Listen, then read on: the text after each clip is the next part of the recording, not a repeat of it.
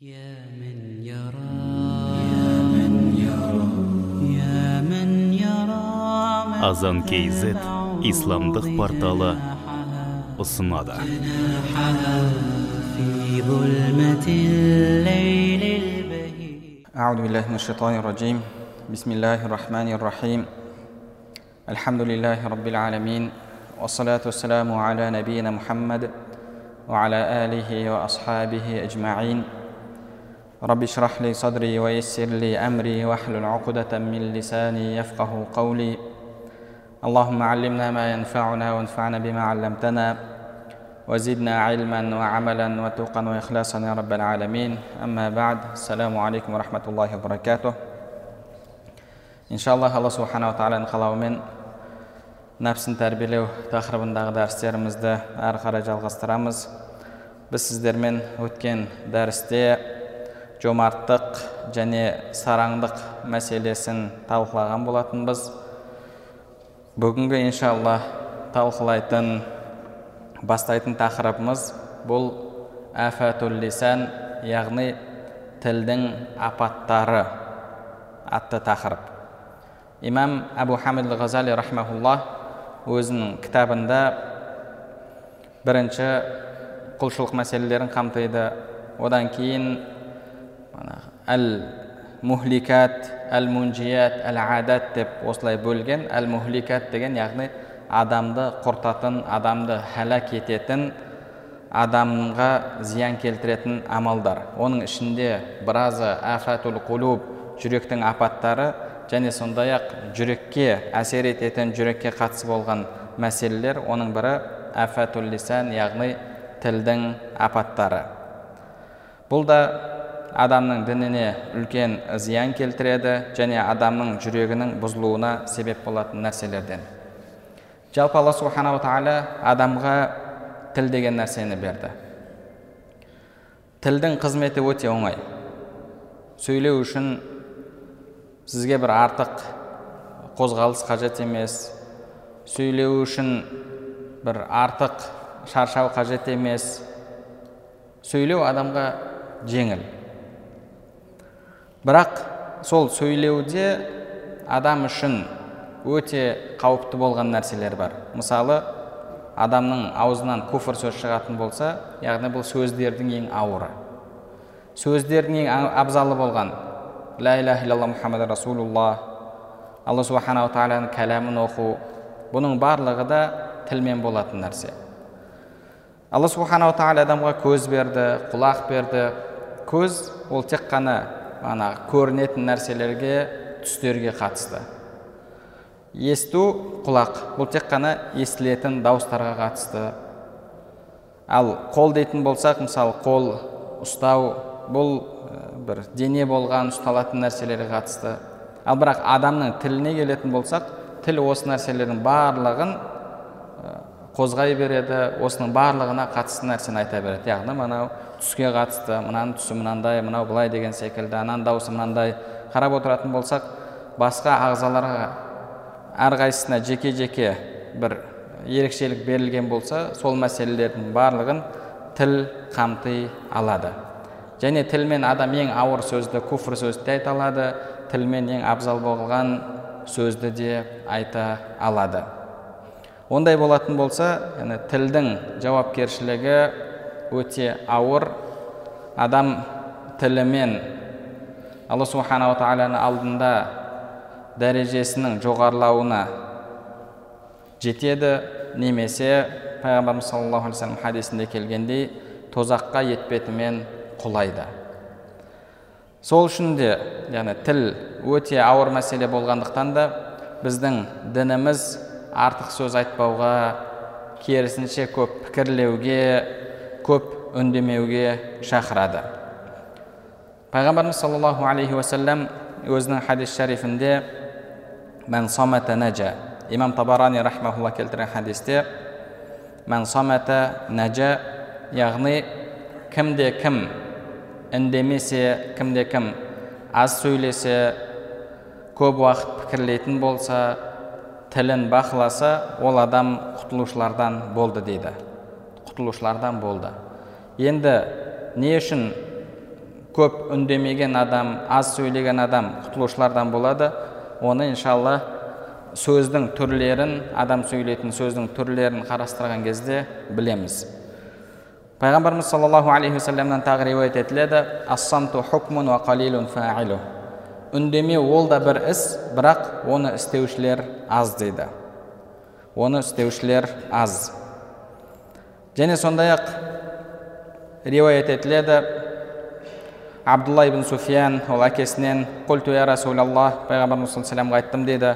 Ахбирни анил ислами би асалу анху ахадан маған исламдағы сондай бір істің хабарын бер сенен кейін басқа ешкімнен еш нәрсе сұрауға мұқтаж болмайын деді. Сонда пайғамбарымыз саллаллаху алейхи уассалам құл аманту биллахи аллаға иман келтірдім де кейін жақсы амалдарда тұрақты бол деді. Қал құлту фама аттақи кейін не нәрседен сақ болайын деп сұрады. Сұрақ сұраушы сонда пайғамбарымыз саллаллаху алейhi вассалам пайғамбарымыз саллаллаху алейхи вассалам қолымен тілін көрсетті дейді бұны имам әт тирмизи имам насаи имам ибн мажалар келтіреді.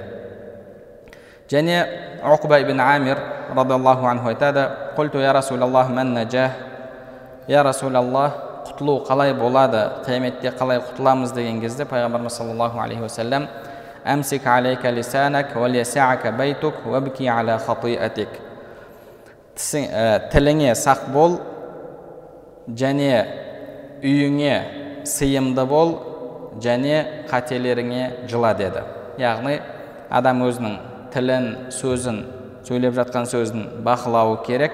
Және сондай ақ екіншісі байтук үйіңе сыйымды бол деген сөз. Сол кейде кейбір ер адамдар болады олар өзінің үйінде отырса іші пысады үйінде отырғысы келмейді жұмыс істейді. Жұмыстан кейін келіп бала шағасына әйеліне көңіл бөлудің орнына мысалы барып достарымен отырғанды жақсы көреді. Күнде әйтеуір бір себепті тауып сыртта болады. Бос уақыты болып жатса оны достарымен тағы да бір нәрсе ойнап өткізеді. Пайғамбарымыз саллаллаху алейхи вассалам айтып жатыр байтук үйіңе сыйымды бол яғни үйіңде отыр бала шағаңа көңіл бөл дейді. Және қателіктерің үшін жыла дейді. Яғни тәубе ету өкіну және жылау. Сәхіл ибн саад радиаллаху анху айтады қала расулуллахи саллаллаху алейхи уассалам пайғамбарымыз саллаллаху алейхи уассалам айтты. من يتكفل لي بما بين لحييه ورجليه أتكفل له بالجنة тағы басқа бір риуаятта мән ли деген сөзбен келеді яғни кімде кім маған екі жағының арасындағы нәрсемен екі аяғының арасындағы нәрсеге кепілдік беретін болса яғни аз сөйлеп сөйлегенде де тек қана жақсы сөз сөйлеп өзінің сөзін бақылайтын болса және өзін зинадан сақтайтын болса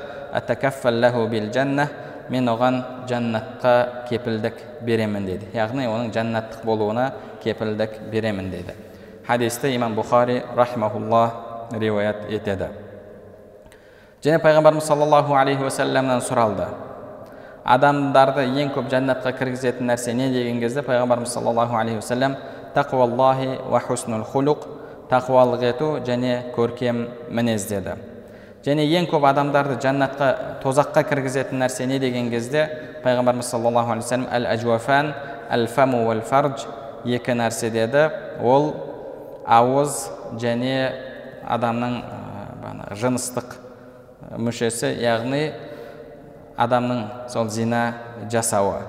Енді ауыз дегенге қатысты ғұламаларымыз бұл жерде ауыз яғни жаман сөз сөйлеу ғайбат сөйлеу тағы да басқа да.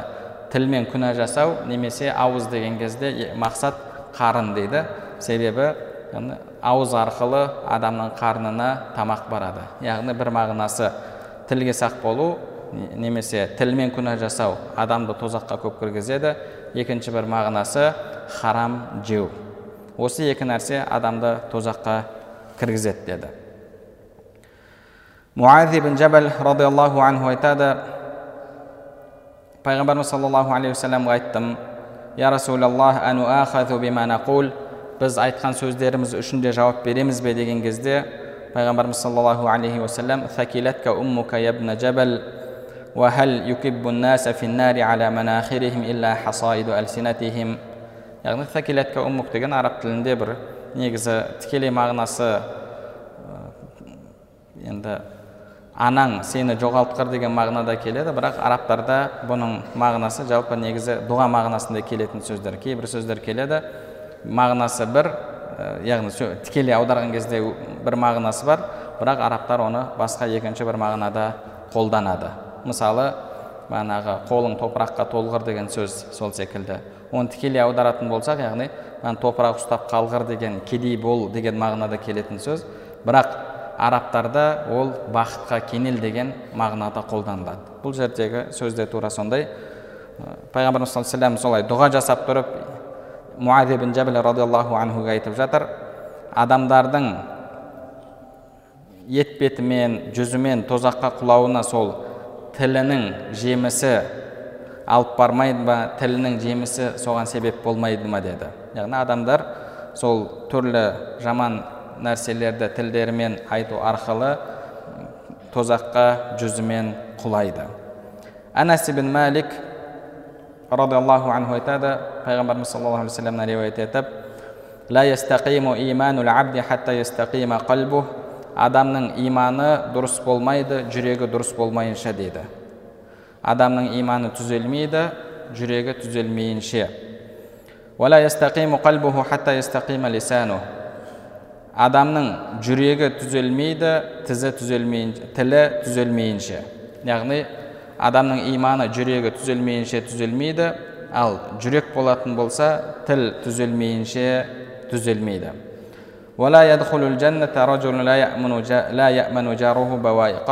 Және зияндықтарын басқа көршілері қолынан зиян көрген адам жәннатқа кірмейді деді хадисті имам ибн аби дуния имам хараитилер риуаят еткен және сондай ақ пайғамбарымыз саллаллаху алейхи вассаламнан риуаят етіледі إذا أصبح ابن آدم أصبحت الأعضاء كلها تذكر اللسان أي تقول اتق الله فينا فإنك إن استقمت استقمنا وإن اعوججت اعوججنا таңертең адам баласы ұйқысынан оянған кезде ағзалары да бірге оянып барлығы тілге ескертеді деді. Тілге ескертіп фина біз үшін алладан қорқ егер сен түзелсең біз түзелеміз егер сен қисық болсаң біз қисық боламыз дейді бұны имам термизи аммар ибн зайд радиаллаху анхуден риуаят етеді. Және сондай ақ пайғамбарымыз саллаллаху алейхи уассаламнан көргенін естігенін жеткізіп абдулла ибн масуд радиаллаху анху айтады бір күні ол кісі сафа яғни сафа маруада сол сафада тұрады сол жерде тұрып я лисану қул хайран тағнам уаскут ан шаррин таслам мин қабли ан тандам ей тіл жақсылық айтып жақсы сөз айтып қайырлы сөз айтып олжалы бол немесе жаман сөзден өзіңді тыйып саламатта амандықта бол мен қабли әнтәндәм ертең өкініп қалмай тұрып деді сонда жанындағы кісілер яба абдурахман шейун тақулуху әу шейун самиата бұл сенің өзіңнен шығып жатқан сөз бе немесе естігенсің бе? Яғни пайғамбарымыз саллаллаху алейхи уассаламнан осыған қатысты бір нәрсе естігенсің бе деген кезде абдулла ибн радиаллаху анху لا بل سمعت رسول الله صلى الله عليه وسلم يقول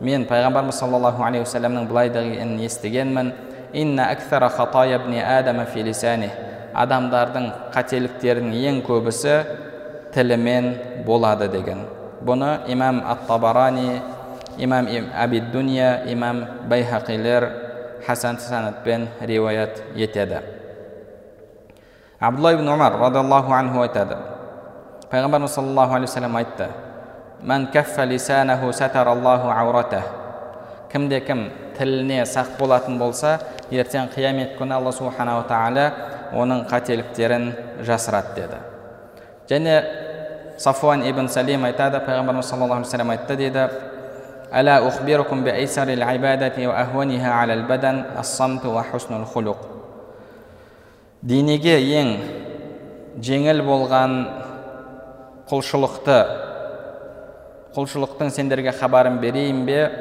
ол ассамт үндемеу және көркем мінез деді бұны имам ибн аби дуния имам абу шейхтар риуаят еткен және пайғамбарымыз саллаллаху алейхи уассаламнан әбу хурайра радиаллаху анху риуаят етіп айтады қала расулуллахи саллаллаху алейхи уассалам пайғамбарымыз саллаллаху алейхи уассалам айтты من كان يؤمن بالله واليوم الآخر فليقل خيرا أو ليسكت أو ليصمت кімде кім аллаға және қиямет күніне иман келтірсе жақсы сөз сөйлесін немесе үндемесін деді немесе үндемесін хадисті имам бұхари муслимдер риуаят еткен және алдыңғы кітаптарда келетін сөздерден сулейман бин дауд алейхимассалам яғни сулейман пайғамбардан келеді егер сөз күмістен болатын болса үндемеу алтыннан деген сөз келді бара ибн азиб радиаллаху анху айтады бір араби пайғамбарымыз саллаллаху алейхи уассаламға келіп дуллани аля амалин юдхилунил жанна маған мені жәннатқа кіргізетін амалды көрсет үйрет деді пайғамбарымыз саллаллаху алейхи уассалам яғни аш адамды тамақтандыр заман шөлдеген адамға сусын бер уамур бил маруф жақсылыққа бұйыр уанха анил мункар жамандықтан қайтар фаиллам тутиқ егер бұған шаман келмесе мин хайр тек қана жақсы сөз ғана сөйле жаман сөзден тіліңді сақта деді хадисті имам ибн абид дуния рахмаулла келтіреді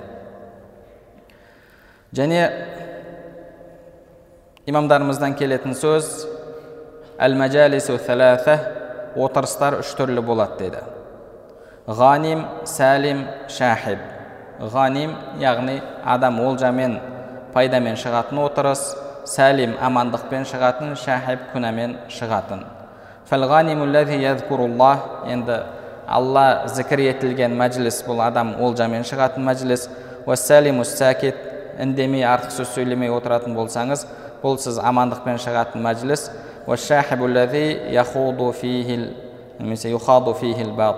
Ал күнәмен шығатын отырыс бұл әлгіндей артық сөздер сөйленген отырыс болып табылады. Хасан бысри келетін сөз бар. Кәну яқулун алдыңғылар айтатын еді деді бұны кім айтып жатыр? Хасан әл алдыңғылар деді. Яғни сахабалар айтатын еді. Инна мұсылман адамның тілі жүрегінің арғы жағында яғни тілі жүректің артында тіл тұрады.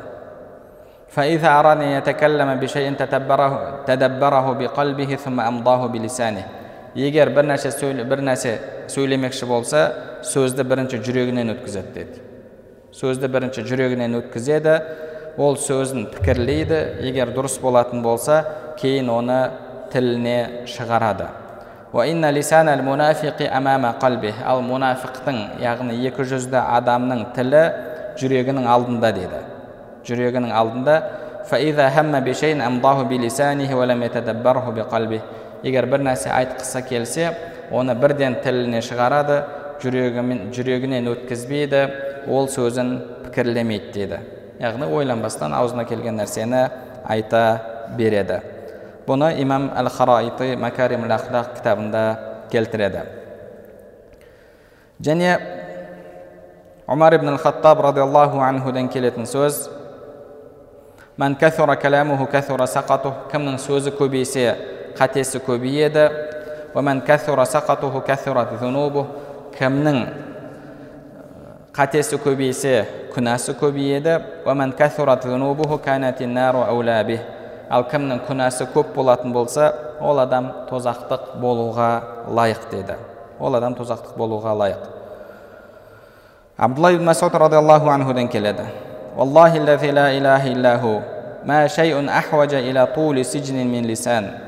Яғни мысалы өмір бақи қамап қоюға ең қаттырақ мұқтаж болған ең лайық болған нәрсе бұл адамның тілі деді яғни бағанағы түрмеге қамап қою өмір бақи қамап қою дейтін болсақ сол нәрсеге ең қатты мұқтаж болған нәрсе бұл адамның тілі дейді. Имам тауус табиин рахмаулла айтады лисани саба ин арсалтаху акалани тілім бір жыртқыш аң секілді. Егер мен оны жөніне жіберіп қоятын болсам ол мені жеп қояды деді ол мені жеп қояды. Имам әл хасан рахмауллахтан тағы да келетін сөз кімде кім тілін сақтамаса ол адам өзінің дінін түсінбепті деді. Дінін түсінбепті. Имам ауза айтады. Кәтаба илейна омар ибн абдулазиз. Омар ибн абдулазиз рахмауллах бізге хат жазып былай деді. Әмма бәд ман аксара зикра маути радия мин дуния бил ясир егер кімде кім өлімді көп еске алатын болса бұл дүниеден аз нәрсені қанағат тұтады аз нәрсеге разы болады.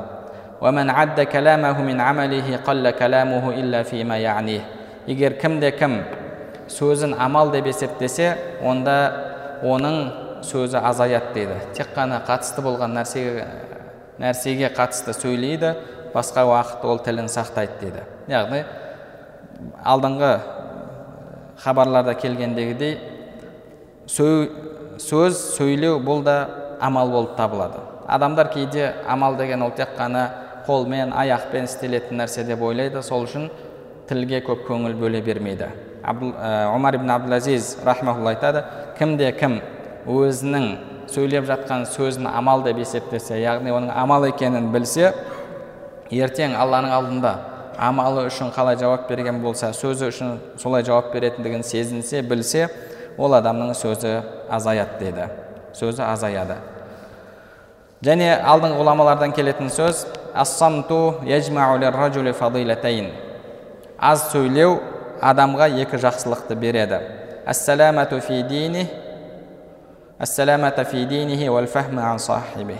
Біріншісі дінінде амандықта болады. Екіншісі досының сөзін жақсы түсінеді деді. Және сондай ақ muhammad ibn wasi' malik ibn dinar degan kishiga aytgan ya aba yahya hifzu lisan ashaddu ala nnas min hifzi dinar va dirham tilni saqtav dinarda dirhamni saqtavdan da odamlarga avur degan yunus ibn ubayd rahmaulloh aytadi ما من الناس أحد يكون منه لسانه على بال إلا رأيت صلاح ذلك في سائر عمله قيس بر адам сөзіне көңіл бөліп аз сөйлеп көп үндемейтін болса ол адамның сол тізін ә, түзелуі тілінің дұрысталуы басқа амалдарында көрінеді деді. Яғни адамның сөзі дұрысталса ол адамның ісі басқа амалдары дұрысталады. Имам хасан айтады муауия радиаллаху анхудың алдында бір топ адамдар сөйледі деді сонда ахнаф ибн қайс деген кісі үндемей отыр еді сонда муауия радиаллаху анху бахр ла неге сөйлемейсің деді сен неге үндемей отырсың деген кезде әлгі кісі ахшаллаха ин казабту ахшака ин садақт егер қазір мен жалған сөйлейтін болсам осы жерде отырып ол үшін алладан қорқамын егер шындықты айтатын болсам сенен қорқамын деп күліп жауап берді деді. Яғни ондай жерде отырғанда да мысалы бір басшының алдына кіргенде мейлі патшаның алдында кірген алдына кіргенде адам ол жердегі сөзі үшін де сұралатындығын ұмытпау керек. Әлгі бағанағы сіз осы қызметке келгелі бері олай болып кетті бұлай болып кетті сіз қызметке келгелі бері сиырларымыздың сүті де көбейіп кетті жаңбыр да жауып кетті басқа болып кетті сіздің келгеніңіз бір береке болды басқа қылды деп адамдар қазіргі таңда жалпақтап жағымпазданып осындай мақтай беруді жақсы көреді және сөйтіп очко жинағанды жақсы көреді. Яғни кейде сондай бір отырыстарда болғанда көресің немесе бір сәл қалтасы қалыңдау адамның алдына адамдар келген кезде оны өтіріктен мақтай береді. Өтіріктен мақтай береді мақтай береді. Әйтеуір сөйтіп очко жинау керек. Кім көбірек мақтаса сол жағымдырақ болып табылады. Ахнаф ибн қайс айтады мен дейді қазір жалған сөйлесем алладан қорқам ал шындықты айтсам сенен қорқамын сол үшін мен одан да үндемей ақ отыра берейін деген. Әбу бәкір ибн айяш айтады алдыңғы уақытта бір төрт дана патшалар жиналған екен деді төрт дана патшалар жиналып жан жақтан әртүрлі елдердің сөйтіп осы тіл мәселесіне қатысты төртеуі төрт түрлі сөз айтқан деді. Бірі айтқан мен сөйлеген сөзіме өкінемін бірақ сөйлемеген сөзіме өкінбеймін деген. Екіншісі айтқан мен бір сөз сөйлесем сол сөзімнің құлы болып қаламын. Егер сөйлемесем ол сөз менің құлым менің тұтқыным болып қала береді деген. Яғни бізде де айтылған сөз атылған оқ дейді. Адам бір сөз сөйлеп қойды ма? Болды. Сол сөздің тұтқыны болып қалады. Ал сөйлемесеңіз ол сөз сіздің тұтқыныңыз болып қала береді. Және үшінші патша айтты. Мен адамдарға таң қаламын сондай адамдарға. Егер бір сөз сөйлейтін болса сөзі өзіне қайтса зиян келтіреді қайтпаса оған ешқандай пайда келтірмейді деді. Яғни кейде адам мысалы бір сөз сөйлейді. Ол сөзі өзіне қайтатын болса зиян келтіреді қайтпайтын болса ода ешқандай сауап жоқ пайдасыз сөз. Және төртінші патша ол да айтты мен сөйлемеген сөзімді яғни бір нәрсе айтпаған болсам оған күшім жетеді ал бірақ айтып қойған болсам оны айтып қойған сөзімнің алдында мен әлсізбін деген. Яғни әл, алдыңғы сөзге ұқсас сөз. Енді бұл риуаяттар бұл ғұламалардың сөздерінің барлығы адамның артық сөз сөйлеуінің тілмен күнә жасаудың қаншалықты ауыр екендігін көрсетеді. Қаншалықты ауыр екендігін көрсетеді. Пайғамбарымыз саллаллаху алейхи уассалам сол үшін де кімде кім үндемейтін болса аз сөйлейтін болса ол адам құтылушылардан болды деді. Не үшін адам аз сөйлесе құтылады? Себебі жалпы сөз адамның сөйлейтін сөзі төрт түрге бөлінеді. Төрт түрге бөлінеді. Біріншісі таза зиян болған сөз. Тағы біреуі таза пайдалы болған сөз тағы бір түрі пайдасы да зияны да жоқ болған сөз. Тағы бір түрі ә, ішінде пайда да бар зиян да бар. Яғни таза пайдалы сөз пайдасыз сөз пайдада зиянда жоқ сөз пайдада зиянда бар сөз. Осылайша төрт түрлі болып бөлінеді. Енді таза зиян болған сөзді барлығымыз білеміз. Адамның жалған сөйлеуі өсек айтуы ғайбат айтуы боқтауы ауыр сөз жаман сөз бұның барлығы таза адамға зиян болған сөздер. Адам одан сақтануы керек. Енді екінші түрі бар. Пайда да жоқ зиян да жоқ. Мубах сөз. Адам отырып алып мысалы анекдот айтуы мүмкін бір күлкілі әңгіме айтуы мүмкін басқа қылуы мүмкін отырып алып әшейін досымен отырып яғни бос әңгіме айтуы мүмкін. Бұл жерде одан пайда да жоқ пайда да жоқ зиян да жоқ. Бірақ адам өзін ұстай алмайды. Ол айта алмайды мен әрдайым өзіме зиян болмаған сөзді ғана сөйлеймін деп. Ол мысалы бір әзіл айтады жеңіл анекдот айтты оның артынан сәл ауырырақ кетеді. Одан кейін бір әйел мен еркектің арасындағы мәселе одан кейін тағы да басқа да сөйтіп пайдасыз зиянсыз мәжіліс отырыс әңгіме жайлап зиян әңгімеге айналып кете береді. Кейін біреулердің үстінен күлу бір ұлттың үстінен күлу тағы да басқа. Сол секілді ары қарай басқа бір зиянды болған тақырыптарға ауысып кете береді. Яғни адам ешқашан сол зиян болмаған сөздің шеңберінен шықпай жүремін деп айта алмайды.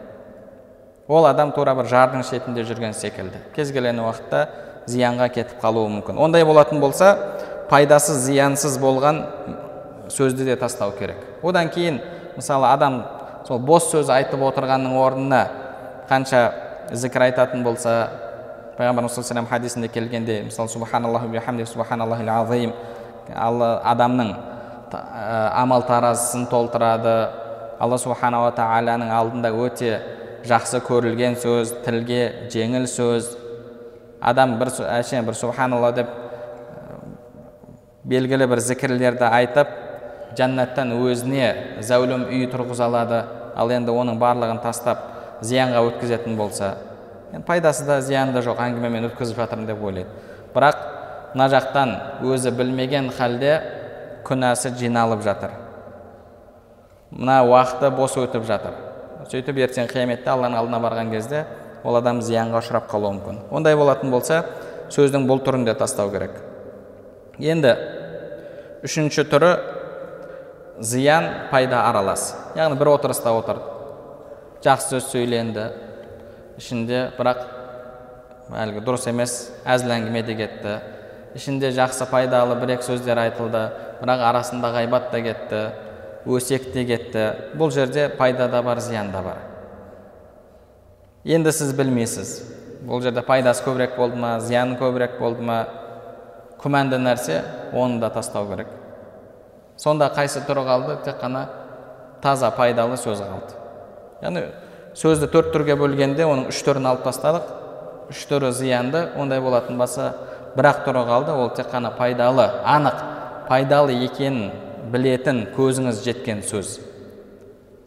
Енді ол сөздің өзін сөйлеп жатқанда мысалы адам тағы да кетіп қалуы мүмкін. Әрі қарай сөйлеп отырады да бір кезде тағы да артық сөз оның өзінде жүрегіне рия кіріп кетуі мүмкін басқа болуы мүмкін. Ондай болатын болса ең жақсысы кім үндемесе аз сөйлесе сол адам құтылады. Ең дұрысы сол. Адамдармен яғни артық сөз сөйлегенше одан да отырып құраныңызды оқыңыз құраныңызды оқысаңыз зікіріңізді айтсаңыз пайғамбарымыз саллаллаху алейhi сөзінде келгенде тек қана жақсылыққа ғана тіліңді пайдалан басқа нәрседен тіліңді сақта дейді. Сол кезде адам құтылушылардан болады. Енді тілдің апаттары тілден адамға келетін зияндар көп. Зиянның түрлерін имамдарымыз кітаптарында бізге тізбектеп көрсетіп кеткен. Ең бірінші әл бірінші апаты бұл әл кәламу яғни адамның өзіне қатысты болмаған нәрсе туралы сөйлеуі қатысты болмаған нәрсе туралы сөйлеуі қатысты болмаған нәрсе не қатысты болмаған нәрсе егер сіз сол сөзді сөйлемесеңіз сол жерде одан бұл дүниеде де ақиретте де зиян шекпейсіз бұл дүниеде де ақиретте де зиян шекпейсіз және бір сауаптан құр қалмайсыз осы сөз сізге қатысы, жоқ сөз сол сөзді сөйлемесеңіз сізге ешқандай зиян келмейді ақиретіңізде де бұл дүниеңізде де және сауаптан құр қалып жатқан жоқсыз бұны ғұламаларымыз саған қатысты болмаған сөз дейді кейде мысалы адам ана жерде ойын білдіреді мына жерде ойын білдіреді отырып алып ананы айтады мынаны айтады. Одан оның айтып жатқанынан мысалы біреуге ешқандай бір пайда болып жатқан жоқ дінінде дүниесінде сіз оған бір насихат айтып жатқан сөзіңіз насихат болып жатқан жоқ және өзіңізге одан бір сауап келіп жатқан жоқ және сол сөзді сөйлемей ақ қойсаңыз ол жерде сізге ешқандай зиян жоқ. Ақиретіңізде де бұл, дүние, бұл дүниеңізде де. Бұндай сөзді адам тастауы қажет. Пайғамбарымыз саллаллаху алейхи tarkuhu ma la ya'ni мұсылман адамның дінінің көркемдігінен діні көркем болу үшін тақуалығы толық болу үшін ол өзіне қатысты болмаған нәрсені тастауы қажет тастауы қажет соның орнына мысалы адам көп зікір ететін болса көп құран оқитын болса жақсы сөздер сөйлейтін болса ол үшін қанша пайдалы болады имам абу хамид айтады егер бір адамға дейді бір уақытта үлкен зәулім үй тұрғызуға мүмкіндік берілсе ол соны тастап соны тастап уақытын бос өткізетін болса бұл адамда зиян шеккен адам дейді яғни сіз әлгі пайдасыз сөзді сөйлеп отырған кезде соның орнына жақсы сөз сөйлейтін болсаңыз тәсбих айтатын болсаңыз зікір айтатын болсаңыз алла субханала тағаланың алдындағы дәрежеңіз қайда жоғарылаған болар еді. Имам мужахид рахмалла айтады. Ибн аббас радиаллаху анхумадан естідім ол кісі бұлай деген деді маған бес нәрсе бүкіл дүниеден хайырлы деді. Ол біріншісі ла татакаллам фима ла яник өзіңе қатысты болмаған нәрсе жайында сөйлеме. Фаиннаху фадл ол артық сөз. Және сол сөзіңде күнә тауып таппайсың деп мен айта алмаймын дейді яғни байқамаған жағдайда адам күнәға түсіп қалуы мүмкін және өзіңе қатысты болған қатысты болған сөздің орнын таппайынша сөйлеме деді яғни өзіңе қатысты болмаған нәрсе жайында сөйлеме ал қатысты болған нәрсе болатын болса онда оның өзінің тиісті орнын тауып одан кейін барып сөйле деді.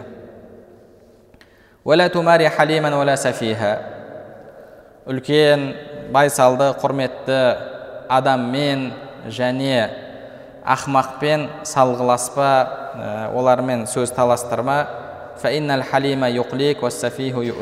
Енді үлкен байсалды адам болатын болса оның алдында құрметіңді жоғалтасың деді.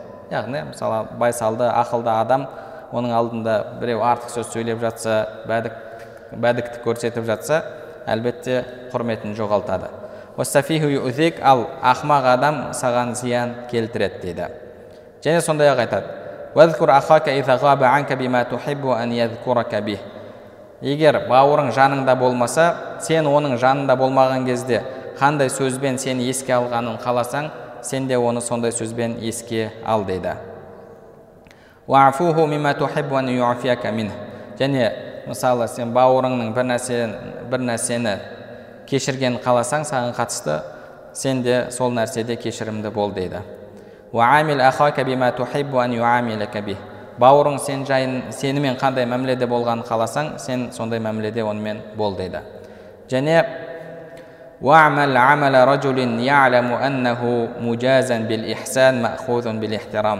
және ертең әрбір ісі үшін әрбір сөзі үшін жауап беретіндігін сол үшін күнә немесе сауап алатындығын сезген адамның ісін істе деді яғни әр уақытта адам өзінің сөзіне есеп беруі қажет имам маурақ әл ажли рахмалла айтады мен бір нәрсені жиырма жылдан бері талап етіп келе жатырмын әлі қол жеткізген жоқпын бірақ талап етуді тоқтатпаймын деді.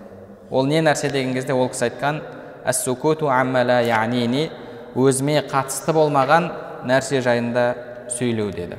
Өзіме қатысты болмаған нәрсе жайында сөйлеу сол нәрсені тастауды жиырма жылдан бері қалап жиырма жылдан бері әрекет етіп келе жатырмын бірақ әлі тастай алмадым бірақ иншалла әлі де әрекет ете беремін деді. Яғни сондай үлкен имамдардың бұлай айтуы бұл нәрсенің қаншалықты ауыр екендігін көрсетеді. Қаншалықты ауыр екендігін көрсетеді. Мысалы имам абу хамид ғазали рахмалла мысал келтіреді. Бір досыңды көрдің көшеде кетіп бара жатқан деді. Келе жатыр көріп қалдың ассалаумағалейкум уағалейкум ассалам қалай жағдай қайдан келе жатсың? Қайдан келе жатсың? деген сөз саған қаншалықты маңызды деді. Қайдан келе жатыр? Мүмкін ол саған айтқысы келмейтін айтқысы келмейтін жерден келе жатқан шығар. Жасыру үшін өтірік айтып қойса сенің себебіңмен өтірік айтады. Енді өтірік айтпайын десе мысалы бір өзінің сыры бар шығар ашқысы келмейтін бағанағы тоқалынан келе жатқан шығар білмейсің оны. Айтқысы келмейтін шығар мен тоқалымнан кел, екінші әйелімнен келе жатырмын немесе басқа деген секілді. Ә, енді айтпайын десе тағы қиналады. Үндемейін десе сенің алдыңда ыңғайсызданады. Яғни ол адамды күнә істеуіне өтірік айтуына кейде себепші болып қаласың ал соның қайдан келмегенін қайдан келе жатқанын білмесең саған қандай зиян деді ақиретте сұраласың ба? Бауырың көріп қалдың сол кезде қай жерден келе жатсың деп. Неге сұрамадың неге білмедің қай жерден келе жатқанын деп. Саған қатысы жоқ ешқандай. Қай жерден келе жатыр не істеп жүр? Енді өзінің жолымен жүр жүруге ақысы бар бағанағы қалтасында паспорты бар деген секілді ол. Не қыласың қай жерден келе жатқанын? Яғни бұның өзі адамға қатысты болмаған нәрсе дейді. Ол адамның өзін қинап қоюы мүмкін және сен, сен үшін ол жерде ешқандай пайда жоқ. Сен үшін ешқандай пайда жоқ. Соның қай жерден келе жатқанын білмесең не істегенін білмесең сен бұл дүниеде де зиян шекпесің және ақиретте де зиян шекпесің сол үшін де адам яғни бұндай өзіне қатысты болмаған нәрсені тастауы қажет. Оның орнын пайдалы амалдармен толтыратын болсақ сол біз үшін иншалла қайырлы болады. Енді ә, тағы да басқа да тілдің апаттары бар. Алла нәсіп етсе оны иншалла келесі дәрістерімізде үйренетін боламыз. Иншалла егер үлгеріп жатсақ алдымыздағы сенбі күні ә, тағы бір дәріс өтетін боламыз иншалла. Ә, одан кейін ә, дәрісімізді қажылықтан кейін жалғастырамыз алла субханала тағала нәсіп етсе. Алла бәрімізге пайдалы білім нәсіп етсін білімдерімізге амал етуімізді және амалдарымыздың қабыл болуын нәсіп етсін. Субханак